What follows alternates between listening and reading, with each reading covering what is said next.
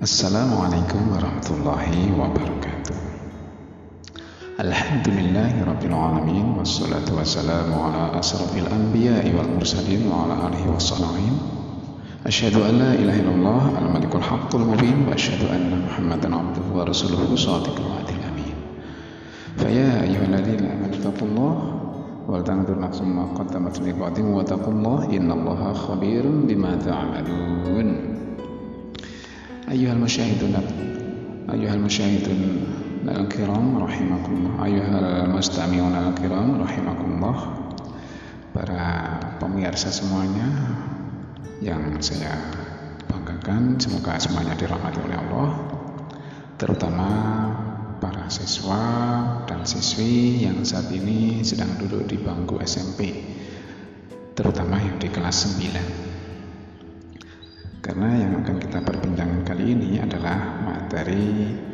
pelajaran pendidikan agama Islam untuk para siswa level 9 atau kelas 3 SMP. Pada kesempatan kali ini mari kita bersyukur pada Allah bahwasanya kita bisa bersua kembali. Untuk itu kita awali jumpa kita dengan doa Bismillahirrahmanirrahim. Aftah lana hikmataka wa ansyur alaina rahmataka min khazaini rahmatika ya arhamar rahimin amin ya rabbal alamin Para pemirsa semuanya, ayuhal mustami'un al-kiram rahimakumullah. Tema kita kali ini adalah surah Quran surah An-Najm. Surah ke-53 ayatnya 39 sampai 42. Oleh karena itu silakan kalian buka dulu Al-Quran, mushaf Al-Quran dibuka pada surah An-Najm dibuka surah ke-53 ya, surah ke-53. Ayatnya ayat ke-39 sampai 42 baik kalau sudah ketemu mari kita baca dulu ya. Silakan disimak syukur kita baca bersama-sama أعوذ بالله من الشيطان الرجيم. بسم الله الرحمن الرحيم. وأن ليس للإنسان إلا ما سعى وأن سعيه سوف يرى.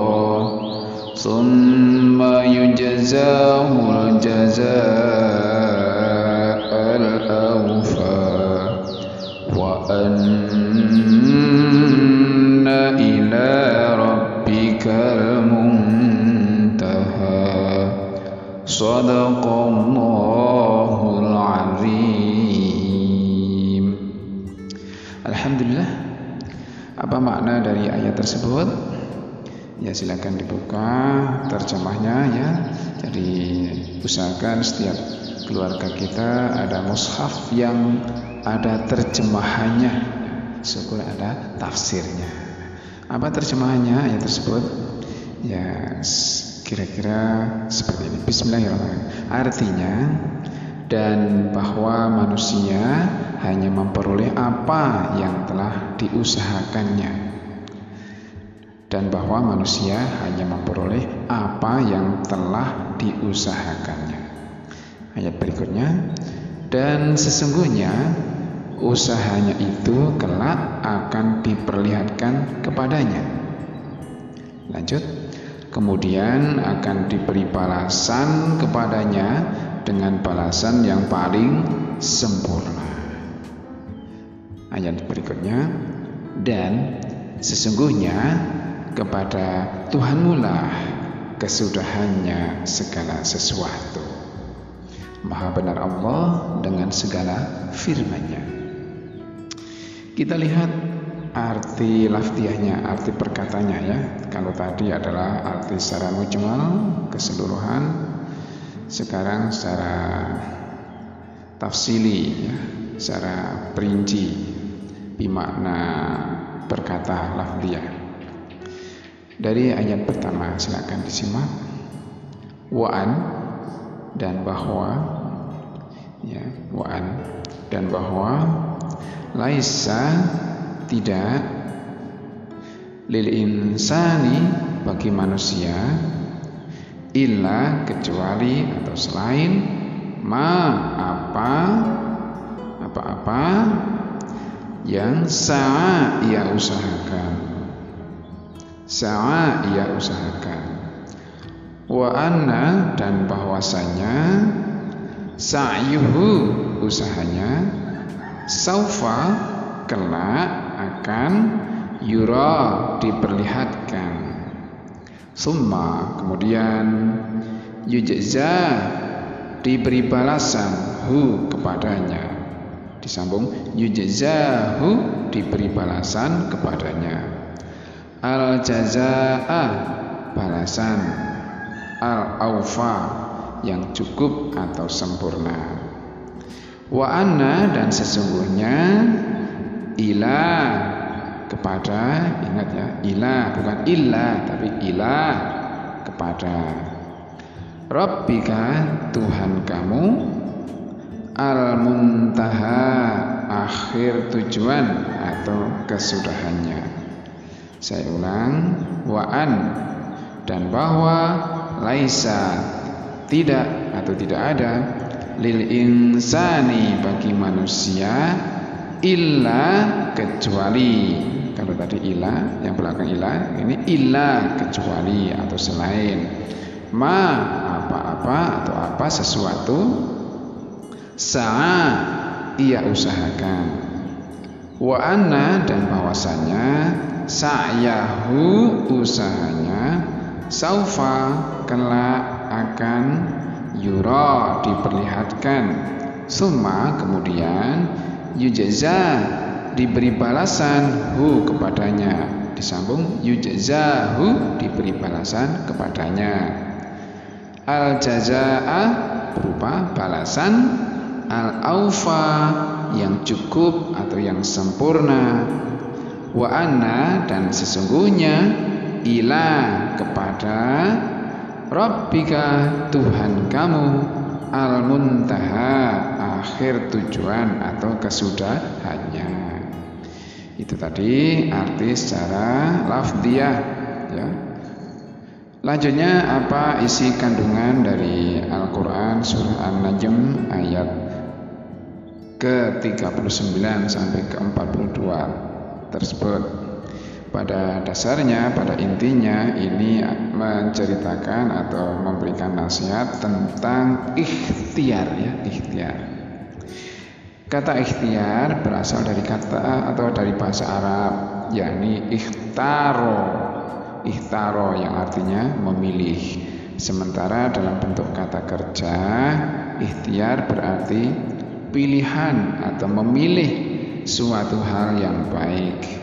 Sedangkan menurut istilah ikhtiar adalah usaha manusia untuk memenuhi kebutuhan dalam hidupnya baik material maupun spiritual, kesehatan dan masa depannya. Dalam usaha mendapatkan yang baik agar tujuan hidupnya selamat di dunia dan di akhirat. Lalu Ikhtiar bukan hanya usaha atau semata-mata upaya untuk menyelesaikan persoalan yang tengah membelit. Ikhtiar merupakan konsep Islam dalam cara berpikir dan mengatasi permasalahan. Dalam ikhtiar terkandung pesan takwa yakni bagaimana kita menuntaskan masalah dengan mempertimbangkan apa yang baik menurut Islam dan kemudian menjadikannya sebagai panduan. Dalam berikhtiar tidak boleh putus asa dan harus yakin bahwa rahmat Allah Subhanahu wa taala itu pasti akan memberikan solusi permasalahan melalui ikhtiar yang kita lakukan. Allah Subhanahu wa taala memerintahkan hambanya untuk berikhtiar dan melarang hambanya untuk berputus asa.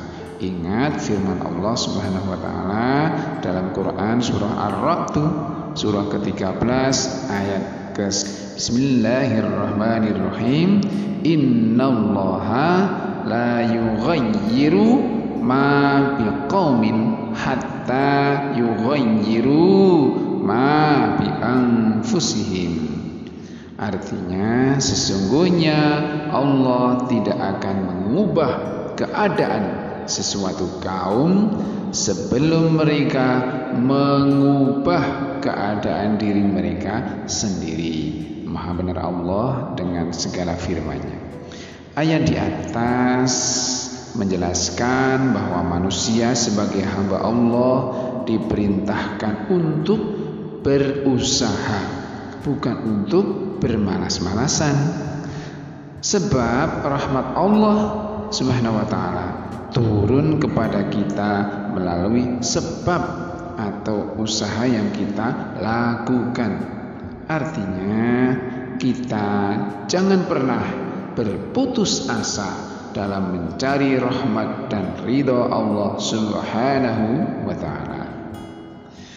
Lalu di samping berusaha dengan segala daya dan kekuatan fisik, orang yang beriman hendaknya juga berikhtiar secara batin yaitu dengan cara berdoa dan memohon kepada Allah karena dialah yang menentukan kodok dan kodar bagi semua makhluknya. Allah subhanahu wa ta'ala telah menjanjikan bahwa siapa di antara hamba-hambanya yang berdoa dengan yakin dan ikhlas pasti akan dikabulkannya. Dalam Al-Quran surah Al-Mu'min ayat 60 Allah subhanahu wa ta'ala telah berfirman Bismillahirrahmanirrahim Wa qala rabbukum ud'uni astajib lakum innal ladhina yastakbiruna an ibadati sayadkhuluna jahannam جهنم داخرين صدق الله العظيم Artinya dan Tuhanmu telah berfirman Berdoalah kepadaku Niscaya akan kuperkenankan bagimu Sesungguhnya orang-orang yang sombong Tidak mau menyembahku akan masuk neraka jahanam Dalam keadaan hina dina Quran Surah Al-Mu'min Surah ke-40 ayat ke-60. Maha benar Allah dengan segala firman-Nya. Dalam berikhtiar Islam mengajarkan agar jangan lekas menyerah apabila mencapai sesuatu sesuai dengan keinginan maka bersyukurlah kepada Allah Subhanahu wa taala. Tetapi apabila mengalami kegagalan, ingat bila mengalami kegagalan maka pelajarilah lebih dahulu sebab-sebab kegagalan itu. Kemudian diusahakan perbaikan-perbaikan sehingga kegagalan itu tidak akan kembali. Anggaplah kegagalan itu hanya merupakan kesuksesan yang tertunda. Dan sebagai orang beriman, orang mukmin, kita tidak boleh putus asa. Janganlah berputus asa dari rahmat Allah wala tayasu mirrohillah. Lalu bagaimana bentuk-bentuk ikhtiar yang bisa kita lakukan? Satu, tidak mudah menyerah dan tidak putus asa. Dua, disiplin dan tanggung jawab. Tiga, rajin belajar dan belajar agar bisa meraih apa yang diinginkannya. Empat, mau bekerja keras dalam mencapai suatu harapan dan cita-cita. Lima, selalu bersemangat dalam menghadapi kehidupan. Enam, giat bekerja dalam rangka memenuhi kebutuhan hidup dan selanjutnya. Hmm, lantas ini, lantas bagaimana dampak positif ikhtiar kalau kita berikhtiar itu apa yang akan kita dapatkan, manfaatnya apa gitu loh. Di antaranya satu, terhormat dalam pandangan Allah Subhanahu wa taala, luar biasa dan sesama manusia disebabkan karena sikapnya Dua, dapat mengambil hikmah dari setiap usaha yang dilakukan.